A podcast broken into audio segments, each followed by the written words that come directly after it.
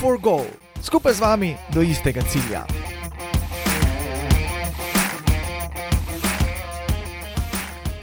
Spoštovane poslušalke in spoštovani poslušalci, športni in drugi navdušenci, dober dan in lepo pozdravljeni v novi oddaji športnega podcasta Go for Goal. Moje ime je Dušan Poslek in v tem prvem podkastu v letu 2021 ostajamo pri temi, ki smo jo z roko možičem predelali v zadnji lanski epizodi. Torej, ostajamo pri odbojki, ampak tokrat jo bomo vendarle predstavili iz malo drugačnega vidika. Um, naša današnja gostja, tudi prva gostja v novem letu, je že vrsto let vpeta v odbojkarsko dogajanje in danes bomo predstavili različne vloge, ki jih je in ki jih še opravlja v odbojkarskem svetu. Eh, našo današnjo gostjo pozdravljam tja nekam daleč v primorsko regijo, natančneje gre moj pozdrav vse do Nove Gorice, kjer se nam je eh, v tem današnjem podkastu, podkastu pridružila Ines Vidič. Ines, pozdravljena in dobrodošla v našem športnem podkastu. Ja, lep pozdrav vsem in. Vam pa hvala za povabilo. Ja, z velikim veseljem. Pozdravljam pa tudi, seveda, Tadeja Glavača. Tadej, tudi tebi en lep pozdrav. Zdravo tudi z moje strani, pozdravljena Ines. Čau. Čau, evo, tako na hitro, smo se, na hitro smo se pozdravili, pa da ne bomo za pozdravi dolgi, ker verjamemo, da bo vsebina uh, pogovora uh, dobra in dajmo čim prej prednost. Ines, tako le nekako, uh, preden se, se spustimo v odbojkarske vode, povej, uh, leto 2020, leto, ki je za nami, je bilo uh, za vse precej težko. Če se ti spomniš tako nekako tvojih načrtov, uh, ki si jih imela za leto 2020, Kako zelo so bile v lanskem letu tebi stvari postavljene na glavo? Uf, ja, uh, dobro vprašanje za začetek. Um, ja, definitivno se spomnim mojih načrtov za 2020. Moram iskreno povedati, da so bili res zelo edinstveni. Zgodilo se mi je kar nekaj velikih sprememb v življenju in v bistvu vse do 20 naj bi bil nek odraz vsega tega. Um, zdaj, ko smo pa pri koncu leta, se pa dejansko sprašujem, um, kam je šlo no, teh deset mesecev in to vem, da je lahko eno samo stvar izpostavimo, vsi ostali plani pa so žal padli v vodo. No? Tako da mhm. dejansko, če odgovorim na kratko, so bili vsi plani postavljeni na glavo in kar konkretno spremenjeni. Mm. Ja, dejansko deliš usodo, verjetno večine športnikov, eh, ne bom rekel samo v Sloveniji ali pa v Evropi, ampak kar na svetu, vseeno epidemija in razmere z tem novim starim virusom, kakorkoli ga imenujemo, so ta športni svet postavili v en položaj, ki ga nihče od nas, predvsem pa ne vas, športnih delavcev, seveda nikakor ni pričakoval in na njega tudi niste mogli biti pripravljeni. Ne. Tako je, ja. Um, v bistvu veliko krat se omenja da je šport bil ohromljen. In dejansko je temu tako. Nekako lokalni in državni športi se vseeno do neke sicer minimalne meje izvajajo, kar se pa svetovnih dogodkov tiče, pa itek vemo, da so bili vsi odpovedani. Že sama odpoved oziroma premik olimpijskih iger pove uh, dosti o tem dejstvu. Uh, in isto je seveda pač tudi z mojimi eventi, z um, mojimi partnerji, z mojimi organizacijami. Tako da dejansko čez nočno, tako kot bi tlesno, sem ostala brez vseh uh, dogodkov. Tako da uh, je res bilo precej težko. No? Mhm, pa zdaj, preden se mogoče eh, podama v te tvoje konkretne zadolžitve, ki bi jih mogla imeti, pa so seveda odpadle, povej tako le ja. nekako tvoje vloge v odbojki v preteklosti, ko nekako pregledujem to zgodovino, so zares pestre in zanimive. Če samo enih par naštejem, to je od moških, goriških in ljubljanskih klubov, ker si delovala, potem delovala si na odbojkarski zvezi Slovenije. Med drugim si študirala eh, management v Španiji. Eh, sedaj deluješ v Goriškem odbojkarskem klubu in še in še bi lahko našteval. Pa gremo zdaj tako nekako uh, začetek, kako je potekala ta tvoja pot v odbojke. No, tja iz, uh, bom rekel, iz majhnega kanala v Soči, pa vse do uh, Svetovne odbojkarske zveze. Ja, to je tisto vprašanje, ker bi jaz vprašal, če imamo dovolj časa, ker to je zelo težko na kratko opisati. Um, v bistvu je tako bilo, no? ko sem končala z igranjem odbojke zaradi poškodbe, sem se dobesedno iskala. Uh, to je ena stvar, ki jo malo kdo prizna, oziroma pove na glas, pri meni pa je bil to dejansko ključni dejavnik. Takrat nisem vedela prav sama sabo, kaj bi. Um, nekako zaključila sem srednjo šolo, končala sem igrati odbojko, v sedmem življenju so me v bistvu dve večji tragediji doleteli in nekako res nisem, nisem vedela, v katero smer naj se podam. In uh, takrat so mi ponudili študentsko delo, uh, tukaj v odbojkarskem klubu Markjol, se je takrat imenoval ta moški odbojkarski klub. Sprejela sem ga tako, kot pač uh, vsako drugo študentsko delo. Um, takrat nisem še imela glave na mestu, kot jo imam zdaj, no dejansko, tako da nisem še prav točno vedela, uh, v kaj se podajam. Imala sem res kot neko delo, ker sem dobila tistih 300-400 evrov kot študent in to je bilo za me to. Um, me pa takratni direktor Uroš Stanič vsako sezono v bistvu nekako bolj vlekel nase. Uh, vsako sezono me je več naučil, um, začel me tudi imati sabo na uh, tehnično izvedbo lige prvakov v HCH-ju. Um, in takrat sem nekako tudi videla, da obstaja mogoče neka druga stran tega delovanja uh, v športu, seveda, seveda še vedno govorimo o lokalnem ne, delovanju. Ampak vseeno me je nekako začel matrati ta firbec. No? Tako da sem se takrat šele dejansko upisala na faks in takoj že naslednje leto tudi um, šla v Španijo na Erasmus. Tam so se mi prvič no, odprla, mogoče malček drugačna obzorja, um, sem pa takrat zavestno čisto izklopila svet odbojke. Uh, veliko krat se pač pošalim, da je bilo to edino leto, ko nisem vedela, kdo je bil državni prvak v Sloveniji.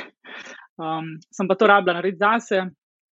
Uh, po vseh zadevah, no, ki so se odvijale v tistih letih, uh, je bila to neka zvestna odločitev. Potem pa po vrnitvi domov, nekako, ne vem, so se začele stvari odvijati same od sebe. Um, kot študentka sem začela potem delati na sportni konferenci v Protorožu, um, tam sem se pa prvič zaljubila no, v ta športni management in marketing. Um, sportno konferenco, verjetno poznate, je največja marketinška konferenca ne, v Sloveniji, ki združuje res celo Evropo, oziroma zdaj ponovno že kar cel svet in tam res spoznaš vse mogoče ljudi z vseh mogočih položajev in je res en tak raj za nekoga, ki se želi učiti in delovati v teh vodah. In ravno na tej uh, sportni konferenci, en izmed njih, no, kjer sem delala kot študentka, sta do mene pristopila potem predsednik in izvršni direktor ACH Voleja in mi ponudila takrat uh, mesto poslovne sekretarke, ki ga pa je zapuščala ena od mojih znank. Um, kar je zelo pomembno ne, tukaj, je to, da je takrat ACH bil na tisti prelomni točki, ko je padel v zelo veliko finančno krizo. Tako da v bistvu ponudba takrat ni bila uh, v rožicah, ampak je bila zelo težka pozicija. Ampak glede na trenutno osebno situacijo, takrat sem se pač odločila, da to vseeno sprejmem. Nisem vedela, kaj se podajam, nisem niti vedela, ali bo to trajalo ali bo se bo končalo že takoj, ker se res takrat ni vedela, kaj se bo dejansko za CH voljem zgodilo. Uh, Potem pa sem na srečo preživela kar nekaj super let tam um, in tudi povem, da sem se tam dejansko največ naučila vsega, kar znam zdaj, oziroma je nekako bila baza za to, kar sem zdaj. Uh, okrog sebe sem imela res ene super sposobne ljudi, od katerih sem se res veliko naučila in um, se dejansko še danes kdaj poskušam ravnati po njih, no, po njihovih dejanjih. Um, istočasno, ko sem bila pri CHJ-u, sem pa potem tudi začela kot prostovoljka pri Bojkarski zvezi Slovenije, bila sem ti menedžerka moške članske reprezentance, pomagala sem na vseh mednarodnih dogodkih pod okriljem zveze, pač na različnih pozicijah, od navadne tešejke do, ne vem, odgovorne za marketing. Um, in dejansko prav to spoznavanje no, z Ligo prvako pri ACH-ju in ostalimi temi mednarodnimi dogodki pod okriljem zveze, pa so v meni nekako vklopljeno stikalo, za katero do takrat sploh nisem vedela, da obstaja. To je bilo dejansko obdobje, ko sem se začela zavedati, da mi dejansko ta organizacija in marketing resnično, resnično ležita, in sem se takrat začela res pošteno spraševati, dokam lahko pač jaz pridem, kje so te meje, ki jih jaz lahko dosežem. In to je bila tudi potem glavna odločitev, da sem zapustila ACH Volej in presedlala na odbojkarsko zvezo. Um, ACH Volej sem zelo težko, z, z veliko težavo zapustila, ker mi je res bajna srčna izkušnja, ljudje so res super, vsi smo se dobro razumeli, delo tam je bilo edinstveno, ampak sem nekako čutila v sebi, da moram iti korak naprej, da sem sposobna več od te rutine, uh, ker vseeno klubsko delovanje je, tudi če so specifične sezone, še vedno se nekako držiš nekega kolupa. Ne? Um, in ravno zaradi tega zanimanja no, za mednarodne dogodke in organizacijo leteh um, sem se potem odločila, da grem na Odbojkarsko zvezo Slovenije. Takrat sem se istočasno pogovarjala z njimi in z Modeno, s tem italijanskim klubom. Um, potem pa to no, leto na Odbojkarski zvezi je bilo moje najboljše in tudi moje najslabše, oziroma najtežje. Najboljše pa v smislu, ker sem prvič v življenju kot izvršna direktorica uh, organizirala tako veliko mednarodno tekmovanje. Takrat smo gostili svetovno prvenstvo za mlajše članice v Ljubljani kar je bil precej velik preskok no, iz teh prejšnjih dogodkov, ki sem jih pokrivala, pa do svetovnega prvenstva. Po končanem svetovnem prvenstvu pa sem se odločila, da ne bom nadaljevala z odbojkarsko zvezo in sem spet šla v Španijo. Ta Španija je tako kot en moj osebni izhod v sili. No? um, s tem, da sem takrat uh, šla z neko željo po ustvarjanju ne nečesa svojega. Tako da sem se prijavila na Erasmus za mlade podjetnike z enim lastnim programom, ki se imenuje Play and Learn, uh, katerega so tudi potem izbrali in podprli, tako da sem spet pač tam živela in gradila svoj lastni projekt. Um, V mestnem času pa so me že kontaktirali no, iz IVB-ja, iz Svetovne odbojkarske zveze in me vprašali, če bi me morda zanimalo pač neko projektno delo za njih. V prvem trenutku sploh nisem vedela, zakaj se gre, sploh nisem dojemala. Dejansko, ko me je pač vprašala takrat ta Antonela, sem, sem tako na kratko odgovorila, yes, of course, pa nisem sploh poslušala do konca, ker mi je bil kar šokno, da se to dejansko meni dogaja. In tako, no, takrat je začela ta neka nova era mojega življenja um, v teh funkcijah športnega menedžmenta. Uh, ne vem, lahko prav iskreno povem, no, da se nikdar nisem niti upala sanja, da bom kdaj na tej točki, ker stojim zdaj. Uh, v, v tem procesu, ki sem zdaj opisala, je bil najvišji cilj moj, da bi se prijavila na kakšen razpis na Evropski zvezi za kakšnega administratorja ali pa mogoče administrativnega direktorja, ampak nikoli nisem sanjala več od tega. Tako da vse to, kar živim zdaj, ni bilo nikoli, ni, ni bilo nikoli niti del mojih planov, niti mojih želja. Tako da v bistvu to sem dokazujeno, da če imaš neke čiste misli, če delaš mm. srcem, če se popolnoma posvetiš svojemu delu in verjameš vase, da lahko res daleč prideš. No.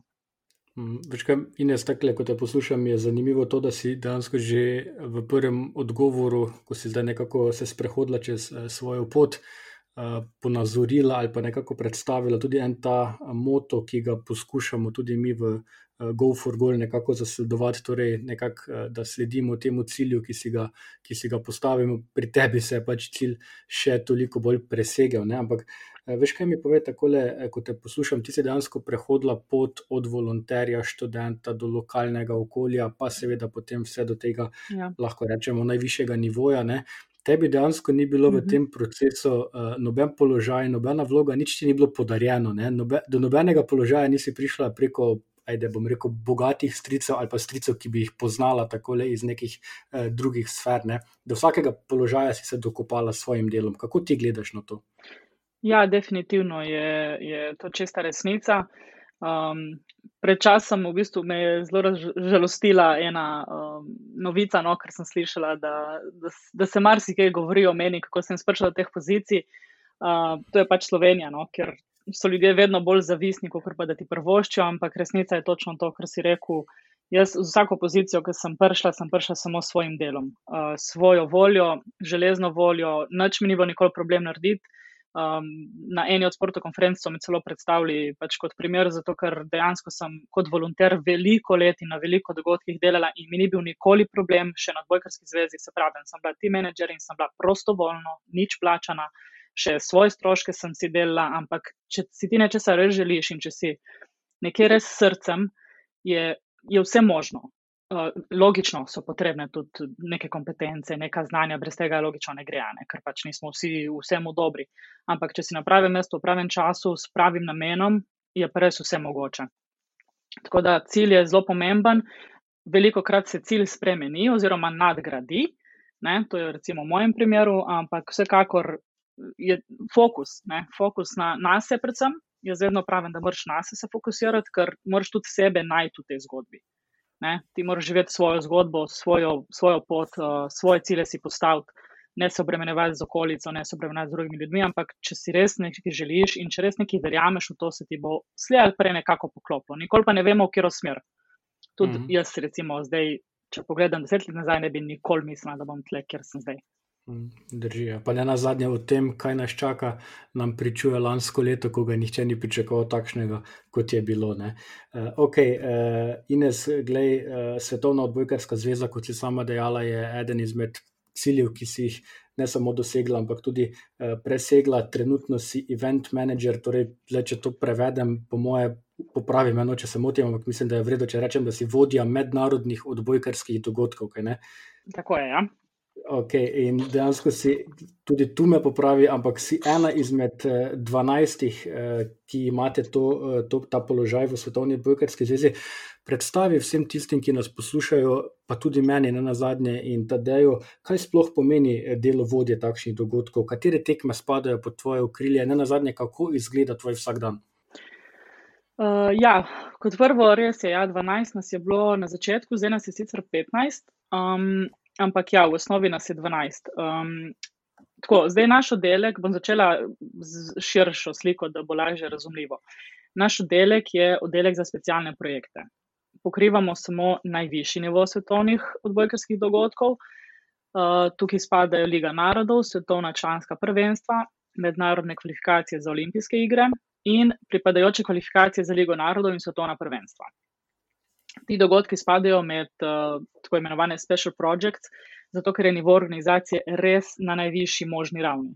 To se lahko enoti z olimpijskimi igrami. To govorimo o nivoju organizacije, ki je ne vidiš nikjer drugje v odbojki. Že samo eno stopnjo niže, če gremo recimo na uh, evropske dogodke, je že stvar nekoliko drugačna. Čeprav se cel stalno trudi nekako povzemati FFB pravila, jih težko, težko dosega, zato ker so tukaj res spektri širši, višji nivoji in so tudi zahteve precej više. Uh, zdaj, pomeni, kaj pomeni vodenje, je zelo težko opisati v podrobnosti. Uh, če nekako na grobo povzamem, nekako tako poteka. No? V zimskem času, ko reprezentančna sezona počiva, opravljamo event menedžerji inšpekcije, oziroma trije od event menedžerjev opravljamo inšpekcije teh potencijalnih lokacij za vse omenjene dogodke. Um, mi nekako ocenjujemo ustreznost teh, ustreznost teh lokacij, uh, po tej opravljeni inšpekciji mnenja in dokumentacijo pač predamo nazaj v pisarno v Švici, oni pa potem izberejo dejansko lokacijo, potrdijo in nas povežejo z nekimi ključnimi osebami iz organizacijske ekipe. Zdaj, event menedžerji smo v tem procesu nekako medijatori, med panožno zvezo in našo pisarno, ker smo mi oči in ušesa FIVB na teh lokacijah. Se pravi, mi smo edini, ki dejansko vemo, kako izgleda v živo, pisarna pa je tista, ki je odgovorna, da se um, upoštevajo vsi, vsi, uh, vsa pravila. Um, tako da, recimo, da do začetka tekmovanja se večina procesov dogaja v zadju. Ne, priprava dokumentov, grafik, prilagoditev infrastrukture, in tako naprej. Tik pred začetkom, pa se potem event menedžerji vrnemo na lokacijo preverjamo, če je vse urejeno, postavljeno, kako je bilo dogovorjeno. V večini primerov so seveda potrebne neke adaptacije, popravki, veliko kompromisov. Imamo pa tam 3-4 dni časa, da skupaj z lokalnim organizatorjem stvari damo na pravo mesto, da se pač event na koncu res izvede pod temi zelo strogimi pravili FIVB-ja in partnerjev. Um, kar je zelo pomembno tukaj poudariti, je to, da so ta tekmovanja nekako narejena tako, da ni FIVB FIOB je vedno krovna organizacija, ne, logično, ampak so lokalni organizatori partnerji FIOB-ja. Se pravi, tukaj se podpiše partnerska pogodba, so neki vložki, so neka sponzorska sredstva, so sponzorske pogodbe v zadju in zato so potem tudi te dogodki nekoliko bolj specifični od ostalih. Um, zdaj, naše delo, event menedžerjev in pa zahteve so tudi odvisne od dogodka samega. Recimo, če dan za primer pri VNL-u, se pravi pri Ligi narodov, je poleg igranja najpomembnejša točka marketing, se pravi pojavnost. Tu so prioriteta televizijske pravice, se so v zadnji res ene velikanske sponzorske pogodbe, torej naša glavna skrb, da je pojavnost pred televizijo 100-odstotna.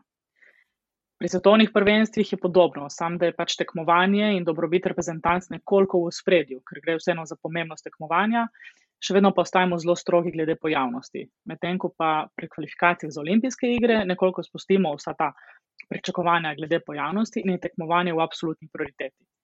Se pravi, vsak dogodek je specifika, uh, je res ogromno njih dejavnikov, ki vplivajo na samo organizacijo in izvedbo, in tukaj delovanje event managerja je res pomembno.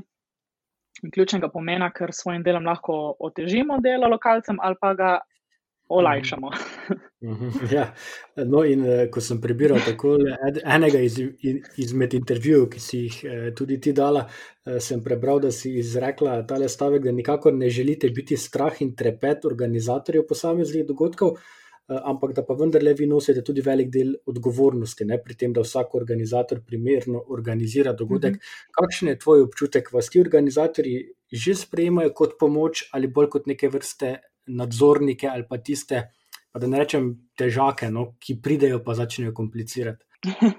Ja, eh, res sem to izjavila, zato ker je to tudi ena od zelo pomembnih razlik med event menedžerjem in tehničnim delegatom oziroma supervizorjem. Večina um, zvez ali pa klubov je navajena na tehnične delegate oziroma supervizore in te so resnično eni težaki. Tudi jaz lahko to mhm. povem, ker sem jih tudi jaz pač imela na tekmah lige prvakov, na uh, dogodkih odbojkarske zveze. Event manager je pa, kako smo prej rekli, nek vodja tekmovanja oziroma vodja eventa. Se pravi, mi smo odgovorni za samo izpeljavo dogodka. Zato tudi smo na lokacijah. Um, odnos med nami in lokalci je res specifičen in tudi zelo pomemben. Lokalni organizator je tisti, ki je dolžan spoštovati pravila FIVB-ja in organizacijske vodnike in tako naprej. Mi smo pa tisti, ki smo odgovorni za njih in odgovorni, da se pač evente spelje tako, kot je treba. Je neko vzajemno delovanje. Ne? Se pravi, mi brez organizatorjev ne moremo, organizatorji brez nas pa tudi ne event menedžerji smo konec koncev vseeno 24 ur na dan povezani z našim oddelkom v Švici. Vsak dogodek ima vodje določene strani uh, našega oddelka in so odgovorni za določena organizacijska področja. Se pravi, jaz kot event menedžer točno vem, na koga se obrnem, ne vem, recimo za marketing, na koga za televizijo, na koga za tekmovanje, na koga za infrastrukturo, na koga za layout in tako naprej. Vse skupaj je ena taka velikanska mreža ljudi v zadju, ki jih noben ne vidi in tudi noben ne ve, da obstajajo. Ne. Konec koncev pa prav te ljudje v zadju vlečejo te niti, event menedžerji pa smo tisti v prvi liniji in zato smo tudi najbolj izpostavljeni. Um, to, kar sem takrat izjavila, da nočemo biti strah in trepet, je res, ampak nažalost je še vedno toliko upet ta način delovanja, ki je bil skozi zgodovino v odbojki da se je točno vedelo, da ko pride tehnični delegat na tekmo ali pa supervisor, da moramo vsi stati ravno tako, kot da smo v vojski. Mi pa nismo v isti funkciji. Ne. Še vedno imamo delegate na tekmah, ne, da se razumemo. Event menedžerji smo samo prevzeli izpeljavo dogodka. Se pravi, tehnični delegati in supervisori so še vedno tisti, ki se jih vsi bojijo, ampak se jih bojijo zato, ker so odgovorni za tekmovanje. Se pravi, če se nekaj zlomi na tekmovanju, logično bodo te ljudje zelo hudi in bodo tudi posledice drugačne mi pa delamo skupaj z njimi. In zato se tudi trudimo pač imeti nek dober odnos, je specifičen še vedno, ker kadar prideš, se predstaviš, logično je prvi, prvi, prvi vtis je vedno, da ta je ta, ki nam bo tle pač pametovala, ne? logično. Ampak mislim, da je tudi velika prednost tega, recimo, vsaj z mojega vidika, lahko to povem, da sem tudi jaz organizator. Jaz tudi organiziram svoje stvari, delujem tudi na strani organizatorjev in zato pač lažje razumem tudi njihova stališča. In meni osebno, recimo, je um, zelo všeč bil stavek od uh, moje šefice, enkrat je rekla: We have to choose which battles to fight. Ne? Ker ni vedno vse enako pomembno. In to je tukaj, kar pač moramo, event menedžerji, zelo dobro znati oceniti. Tako ljudi, ne, organizatorje, kot kar neko specifično situacijo, tako kot ta manevrski prostor, ki ga še imamo znati moramo oceniti, ali smo že dosegli nek maksimum organizatorja, ali imamo še rezerve, ali jih nimamo, in tako naprej. Tako da je v bistvu res eno tako uh, velik koš kompromisov. No? Um, vsekakor pa je cilj in tudi želja, no, nas, da nas jemljajo kot sodelavce, ne kot nadzornike. Ne?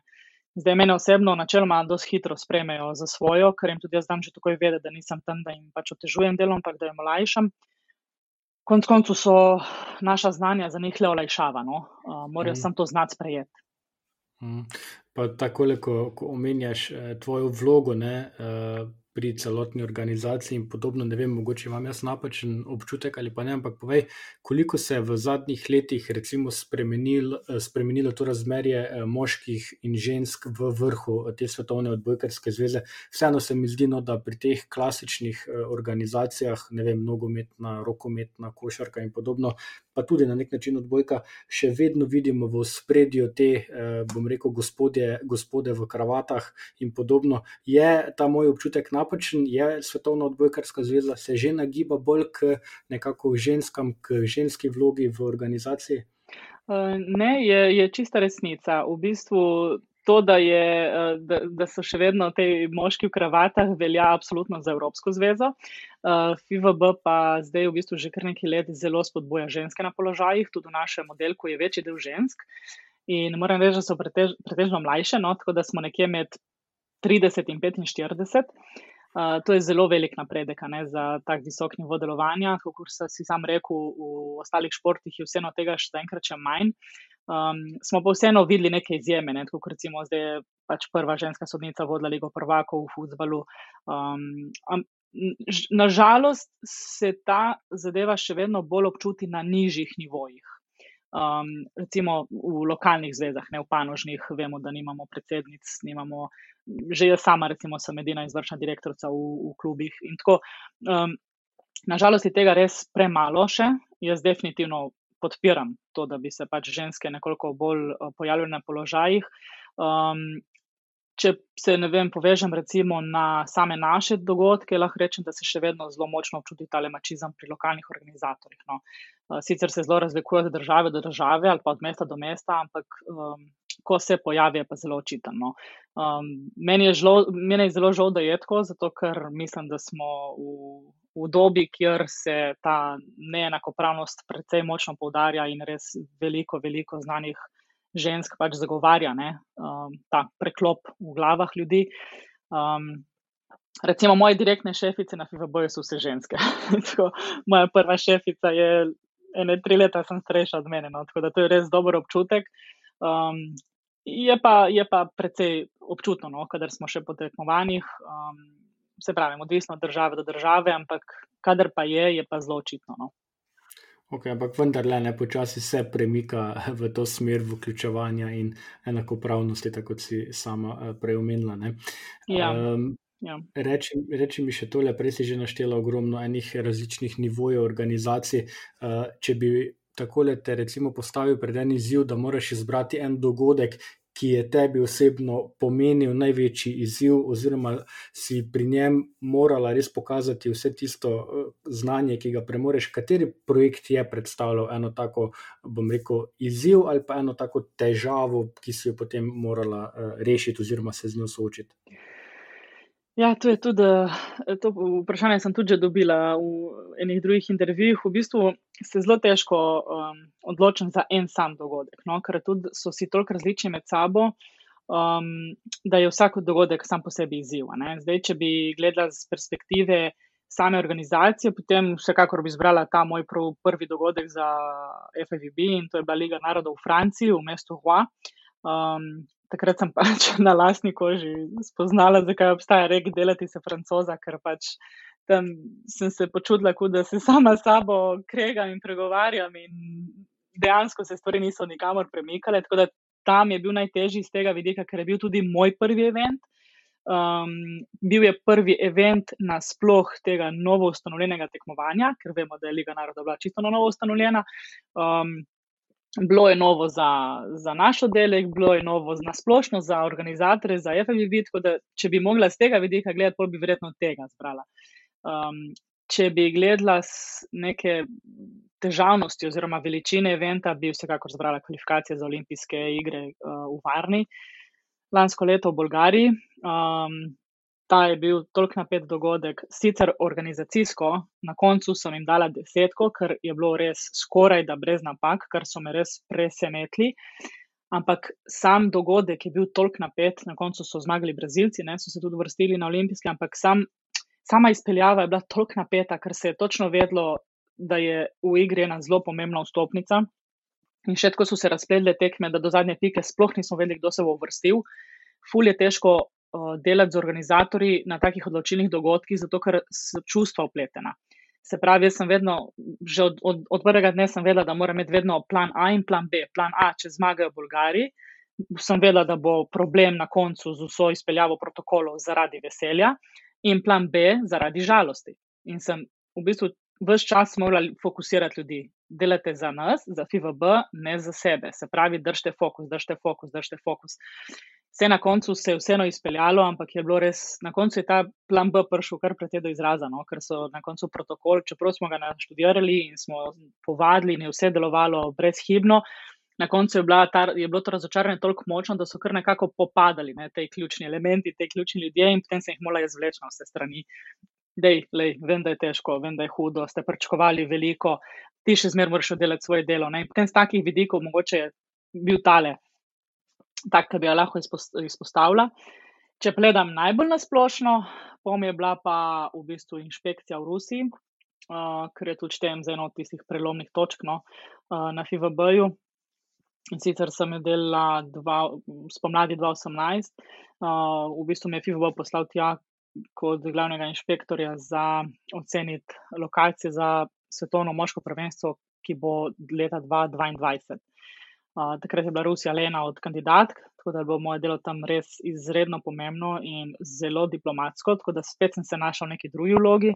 Tam se nismo še pogovarjali o sami izpeljavi, ne, ampak o nekih drugih stvareh v ozadju, ki so v bistvu še bolj pomembne, ne, preden pride do izpeljave.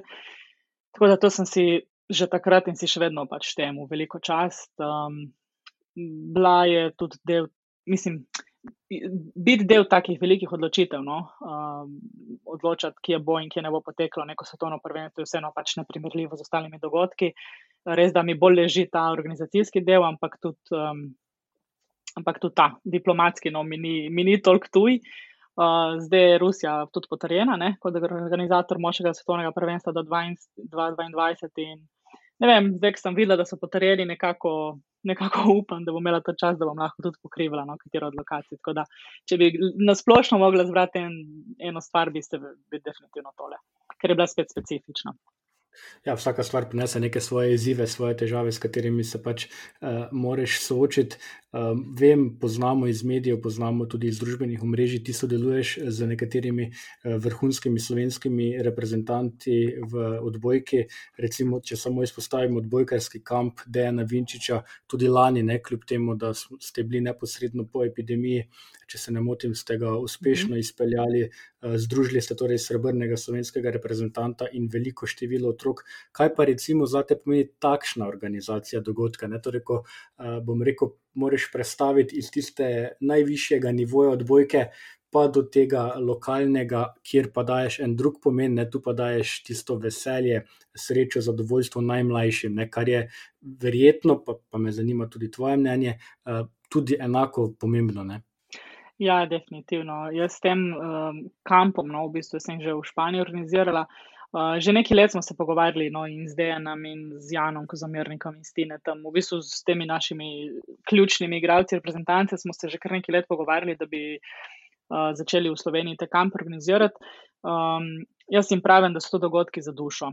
Um, vsi dogodki, ki jih jaz delam in pokrivam, me nekako polnijo življenjem ne?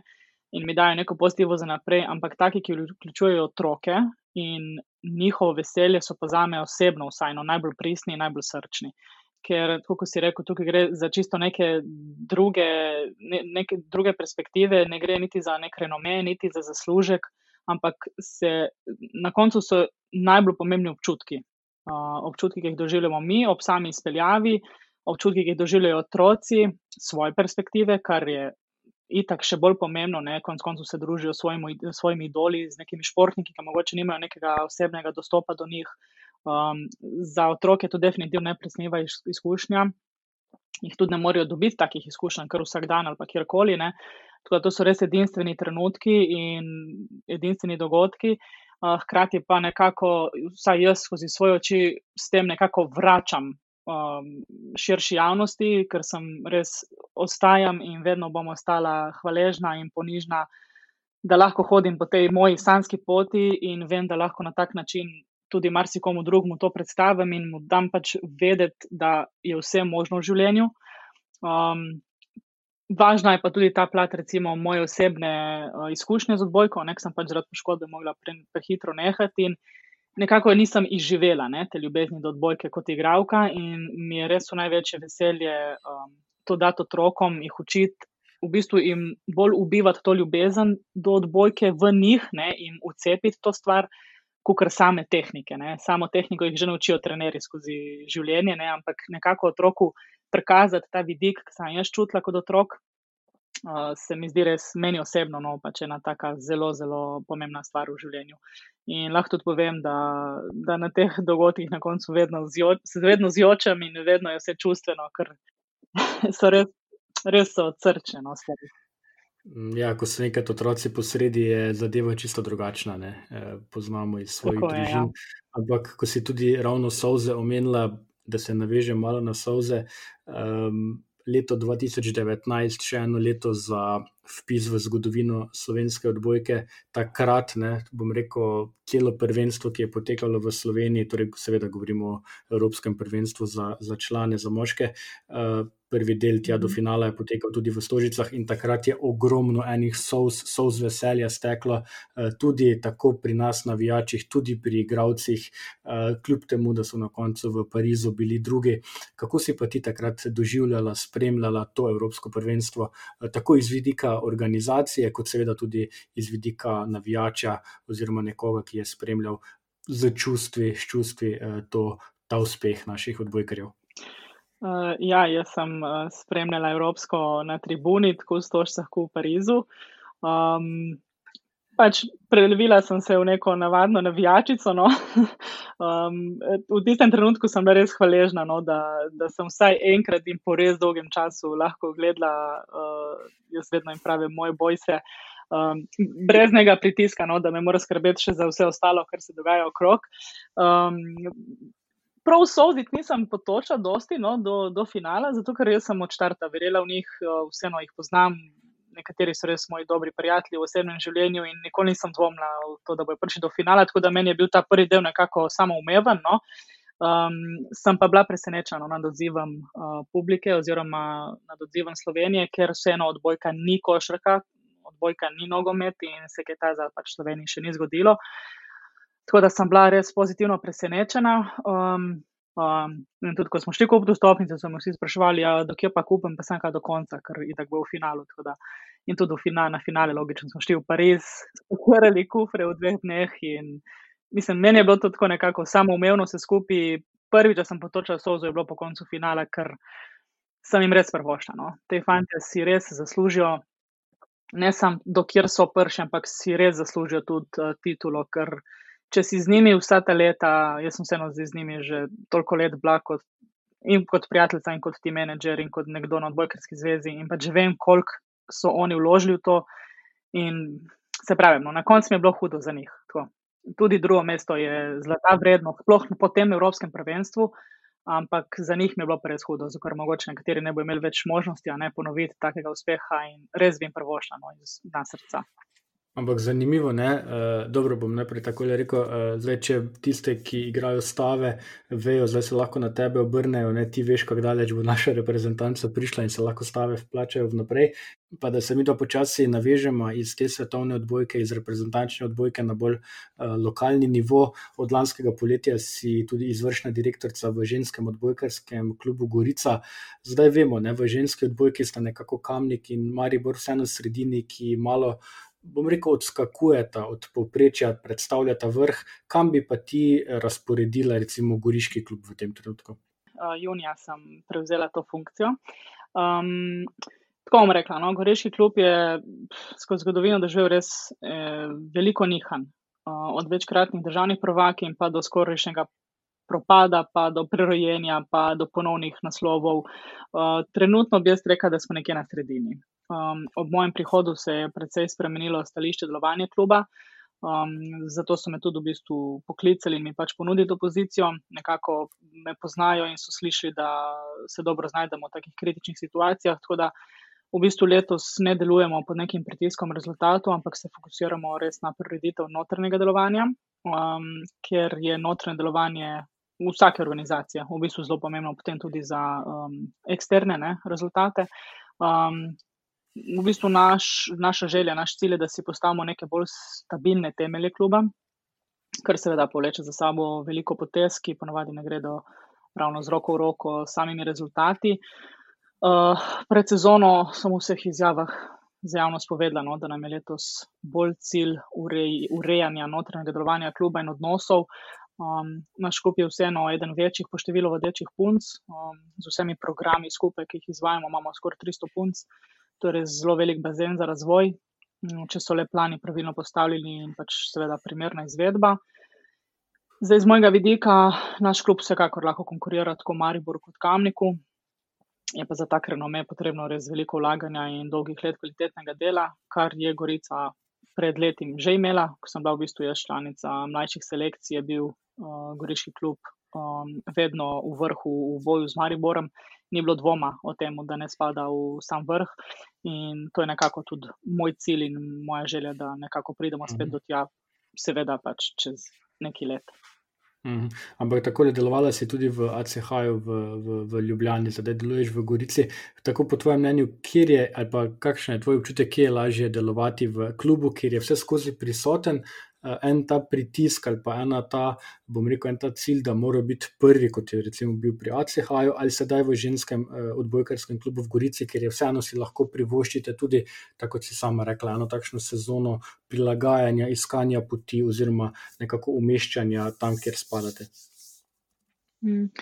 Um, zdaj, tako je. Ne, jaz osebno ne bi rekla, da je lažje, če si, če si uh, nekako ne daješ visokih ciljev z vidika rezultatov, je pa mogoče manj stresno. Um, zdaj, kot je težko držati nek nivo, ki na koncu prinese najviše mestne rezultate, je ravno tako težko ohraniti motivacijo. Ker ohraniti motivacijo nekje, kjer veš, da rezultati niso primarnega pomena, je zelo težko. Sploh v ženskem športu, sploh v ženski odbojki vemo sami, da se že v osebnem nekem svetu se težko motiviramo za nekaj, kar vemo, da ne, vem, ne bo na koncu imelo nobenega pomena.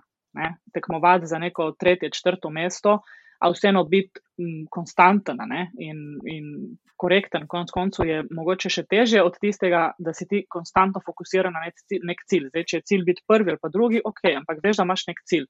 Ko pa ti neki ekipi, recimo, ne postaviš cilja in ne rečeš, zdaj pa vi morate biti druge ali pa vi morate biti prve, potem pač punce vedo, da igrajo in tekmujejo, ampak na koncu ne vejo, zakaj. Ne? Tako da v bistvu konstantno posegati po rezultatih, seveda je določen, mislim, predstavlja nek poseben pritisk, neko posebno odgovornost. Um, zato, ker z mojega vidika uh, ne gre samo za rezultate, ampak za nek večji plan, ne? za neko širšo sliko, ker ko si ti enkrat na vrhu, moraš znati tudi to ohranjati. Uh, tukaj je zelo res dober primer ACH ali pa Maribor, recimo. Um, to so klubi, ki dolga, dolga, dolga leta vlagajo in trdo delajo za to, da so toliko let na vrhu. Uh, sama sem bila pri ACH in vem iz prve roke, koliko enega dela in koliko truda vloženega v tak nivo delovanja kluba. Tako da vsak plan, ki si ga zastaviš, mora biti pač zastavljen z nekim pravim namenom in pravim zaledjem. Zdaj, mi, ok, smo si nekako zadali to sezono, da ne bomo posegli po rezultatih, ampak ne z vidika ker ne vem, nam ni pomemben rezultat, ampak z tega vidika, ker smo nekako mogli v zadju druge poteze vleči, med drugim občutno znižanje budžeta in tako naprej, in to povleče za sabo neke določene stvari. Se pravi, kad ti spremeš neko tako težko odločitev, je zelo, zelo veliko krat pač potem viden vpliv na rezultatih oziroma na že sami sestavi ekipe, ne, če se vrnem en korak nazaj. Tako da klubi, kot so ACH, uh, Maribor, definitivno jim ni lahko in vedo točno, pač, kaj je njihov primarni cilj in tudi vejo, kaj morajo vložiti v to in tudi vlagajo že res dolga leta. Um, klubom, kot je pač zdaj Gorica, ne, če se povežem pač na, na, na, na prvo vprašanje, um, vseeno ni enostavno, ker mi vemo, da lahko konkuriramo Mariboru in Kalcitu, ampak trenutno si tega nekako ne moremo prvoščiti. Pa ne zato, ker pač ne znamo, ali pa ker nimamo ljudi, nimamo kompetenc, nimamo pogojev, ker to ni res. Vemo, da imamo pogoje v našem klubu ravno tako dobre, kot Maribor ali pa Kalcit.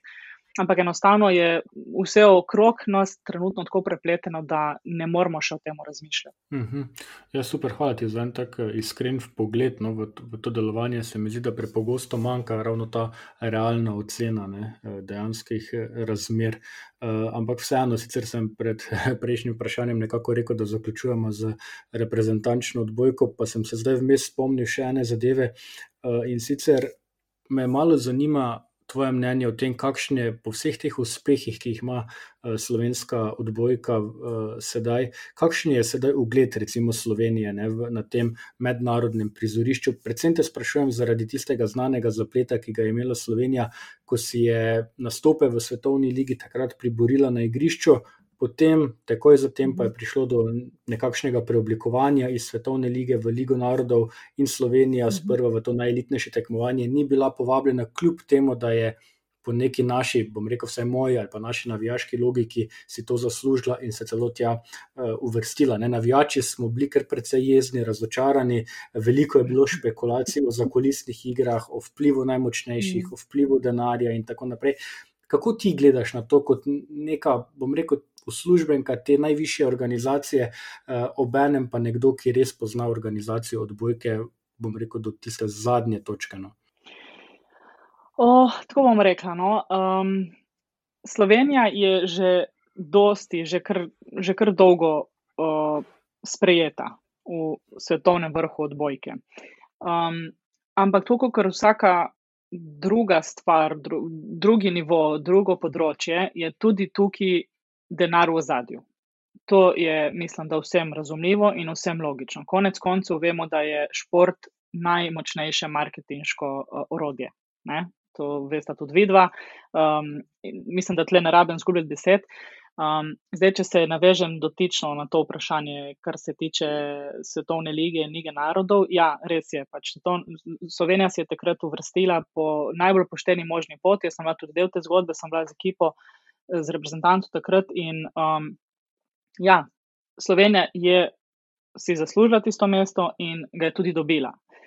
Zdaj, da se je FIVB takrat odločil to spremeniti, je spet ena od zelo velikih, bom rekla, vprašanj, ki si, se je in se še vedno poraja v glavah marsikoga.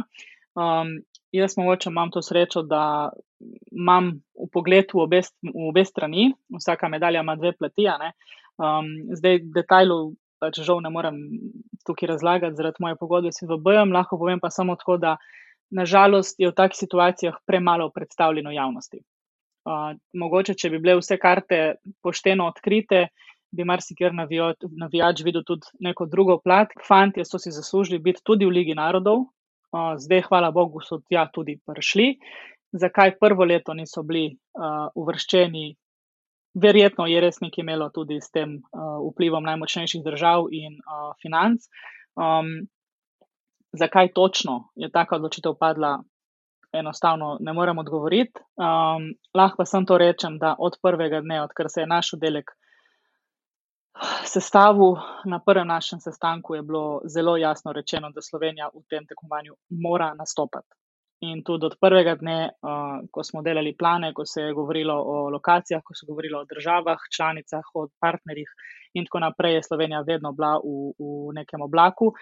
Vprašanje časa je samo bilo, kdaj bo uspela pač priti noter, ali bi bilo to že po prvi sezoni na, na Challengeru, pa po drugi, in hvala Bogu, to bo že po drugi sezoni. Tako da se res veselim, uh, fanti, spremljati tudi na, na VNL-u, ker ne samo z vidika kot slovenka in kot nekdo, ki pač pozna to zgodbo, mogoče nekoliko bolj podrobno, kot večina slovencev, ampak. Z vidika tega, ker res jim prvoščim, da so redni udeleženci takih tekmovanj, ker to je so nastopili na stonem prvenstvu 2018 in so videli, kaj pomeni biti del tako velikega tekmovanja. In VNL je tako tekmovanje in je vsaka lokacija na tako visokem nivoju. In je drugačen način igranja, drugačno uh, razmišljanje, vse je na drugačen način narejeno.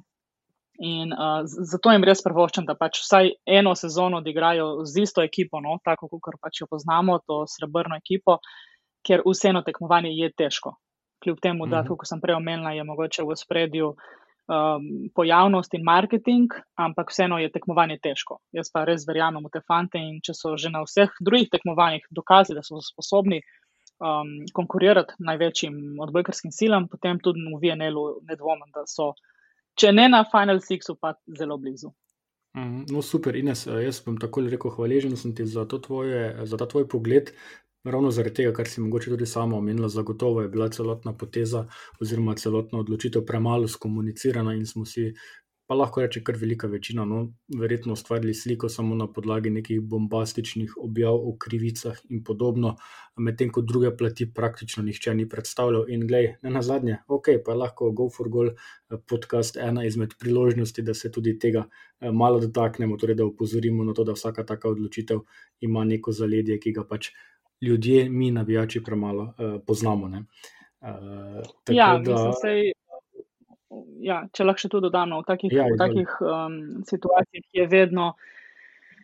Je vedno tako, ne, da pač uh, javnost ve samo tisto, kar jim je predstavljeno, kar je tudi edino logično. Krivica, krivica se je zgodila, tle ni, tle ni dvoma, ne, ampak vseeno je mogoče treba vedeti, uh, mogoče kakšen drugačen pogled, no, zato ker tako velike odločitve ne sprejmejo kar tako na pamet, kot je bilo pač ja, pač predstavljeno v Sloveniji javnosti. No, no super.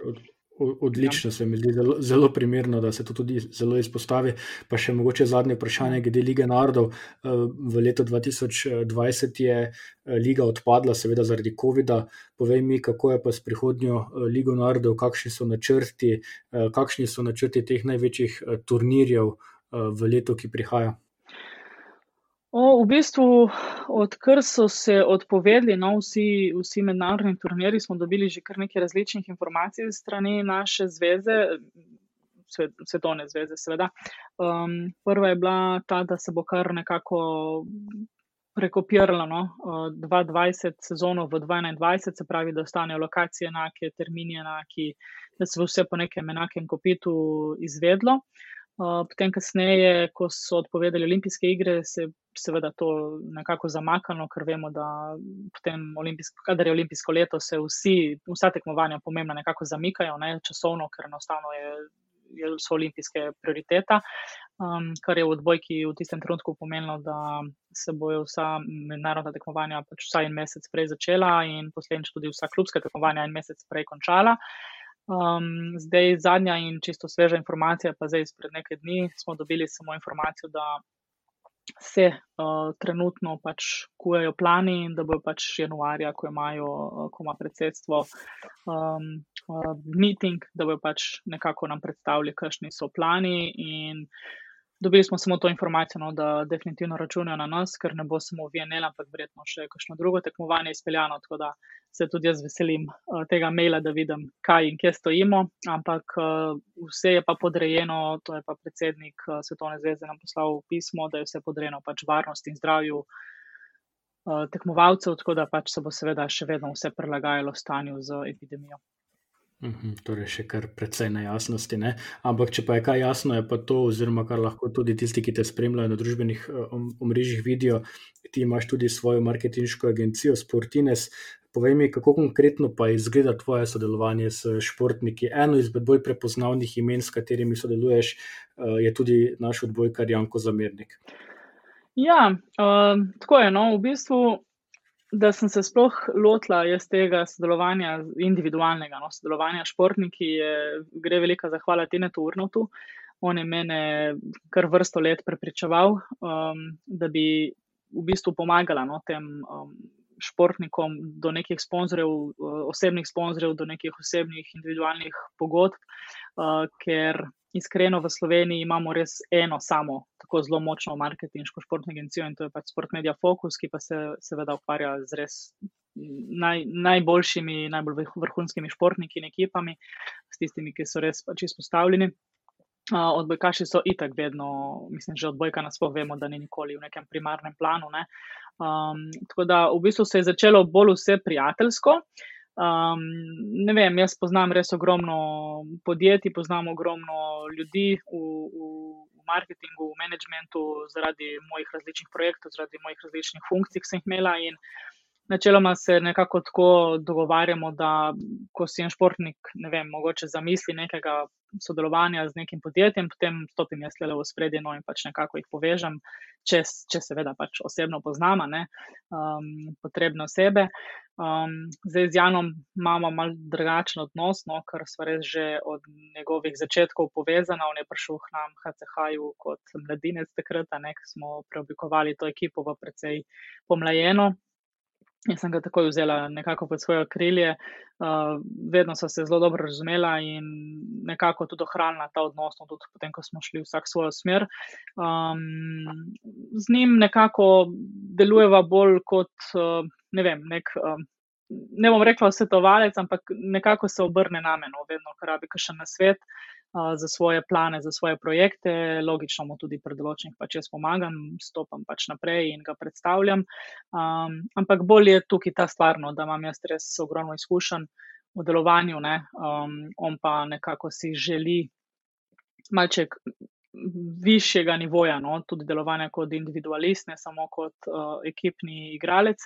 Kar mu zelo dobro uspeva, in tudi vse te projekte, ki zdaj pač lansira, uh, sem bila zraven od začetka in mu z veseljem pač namenim kakšno minuto, dve, tri po telefonu ali pa preko maila, kadar rabi na svet. Uh, z veseljem pa seveda ga tudi podprem in um, nekako predlagam ostalim no, sodelovanje z njim, ker je super oseba. In tako nekako je z vsemi. No. Um, sej, da, da res tako zelo, zelo, um, kako bi rekla, aktivno sodelujemo. Sta Jan pa Dejan, no, Vinčič, um, vsi ostali so nekako, Eva Mori je še bila na začetku, ena izmed teh, ki smo res pač malček bolj aktivno sodelovali. Potem se pa tudi jaz nekako, bom rekla, malček dala nazaj.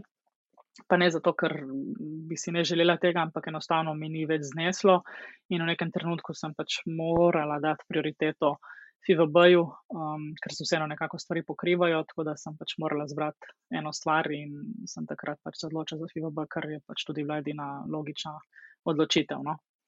Mhm. In lahko zagotovo na tem mestu tudi omenimo, ne, da vse tiste, ki eh, vas zanima, dragi poslušalci in drage poslušalke, ki vas zanima, kako konkretno Ines sodeluje z Janom, z Dejanom in podobno, obiščite njene eh, družbene profile tam gor. Se mi zdi, da da je res tako ena prava doza informacije, ni preveč, ni premalo, lahko pa dobite en lep pogled v to, kako izgleda sodelovanje z eh, tema dvema našima srebrnima reprezentantoma. Eh, sama si že omenila Evo Morine, eh, evo pa da te na ja. tej podlagi nekako tudi še malo izzovem, tako le za konec, proti eni uri najnega pogovora že greva. Povej mi, ko si ti spoznala, oziroma ko smo se spoznali, si ti, bom rekel, še zastopala, oziroma predstavljala Evo Mori in mi smo z njeno pomočjo tudi testirali športne nogavice Go for Goal. Reči tako iskreno, kakšen je bil tvoj prvi vtis, eh, ko si o našem produktu izvedela še v fazi testiranja? Uh, v bistvu takrat se spomnim, mi je Eva omenila, da jo je tedaj kontaktiral in prav prva reakcija je bila, joj, še ene nogavice. To je bila moja prva reakcija, ker uh, tega je res toliko na tržišču, da nekako se zgubiš v vseh teh produktih. In mislim, da tudi te lahko potrdi, da sem takoj že zasula z vprašanji, zakaj so pač prav te nogavice tako specialne. Ne? Ker to ti res že na začetku ponujejo, vsi ti ponujejo neke specialne nogavice, vse so super, vse imajo neko oporo, ne? ampak na koncu, ki jih sprobaš, pa daš en kup narja, pa vidiš, da so si precej podobne med sabo. No? Um, ja, res je. Uh, v bistvu, takrat, ko smo, ko smo se slišali, tako me je Eva takoj napotila k tebi, ne, ker pač jaz sem v tistem trenutku uh, smo iskali uh, športnike z različnih disciplin, da bi pač nogavice testirali, da vidimo pač, kje sploh smo. Ne.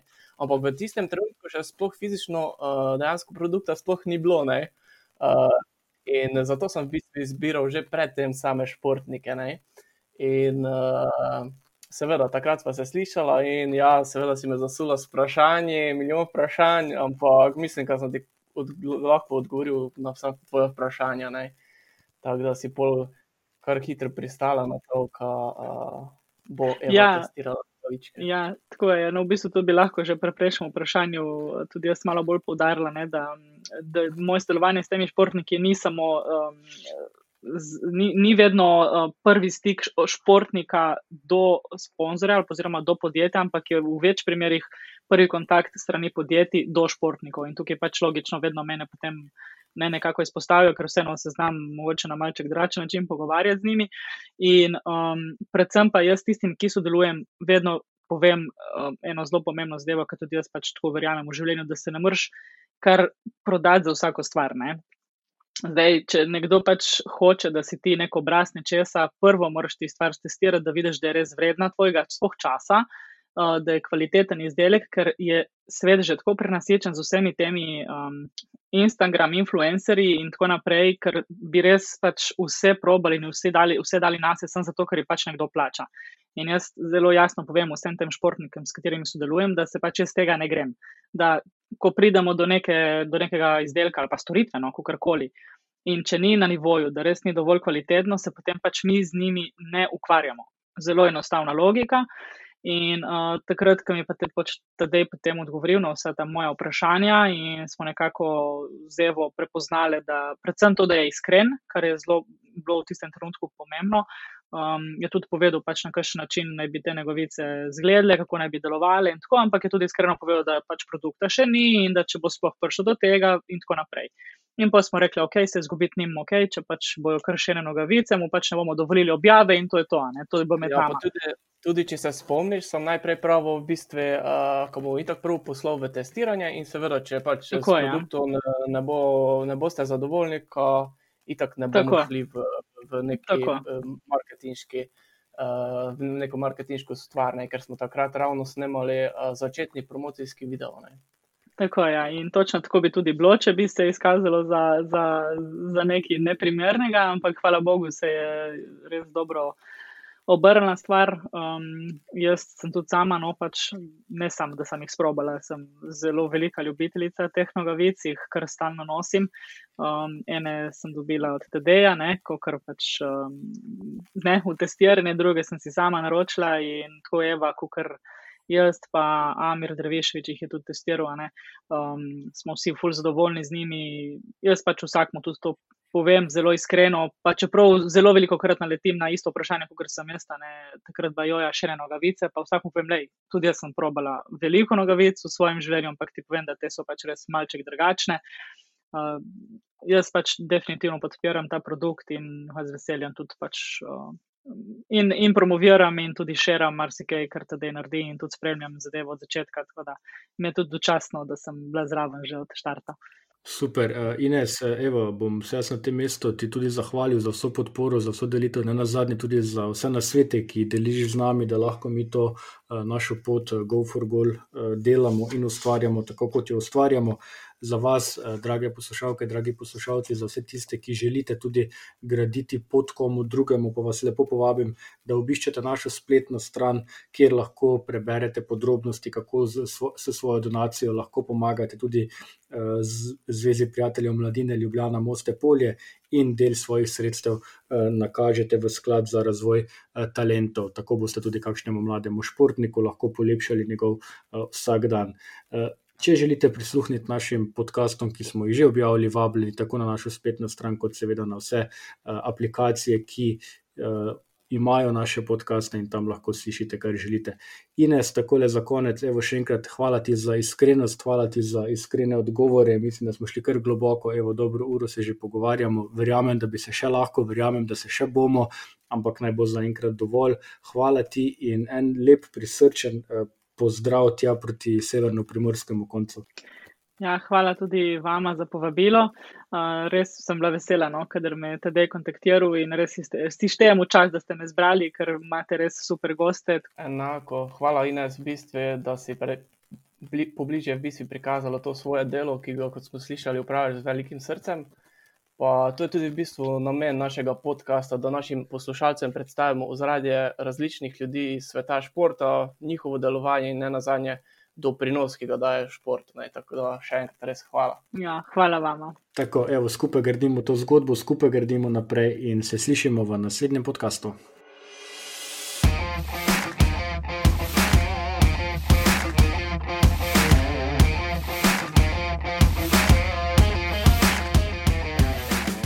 for Goal, skupaj z vami do istega cilja.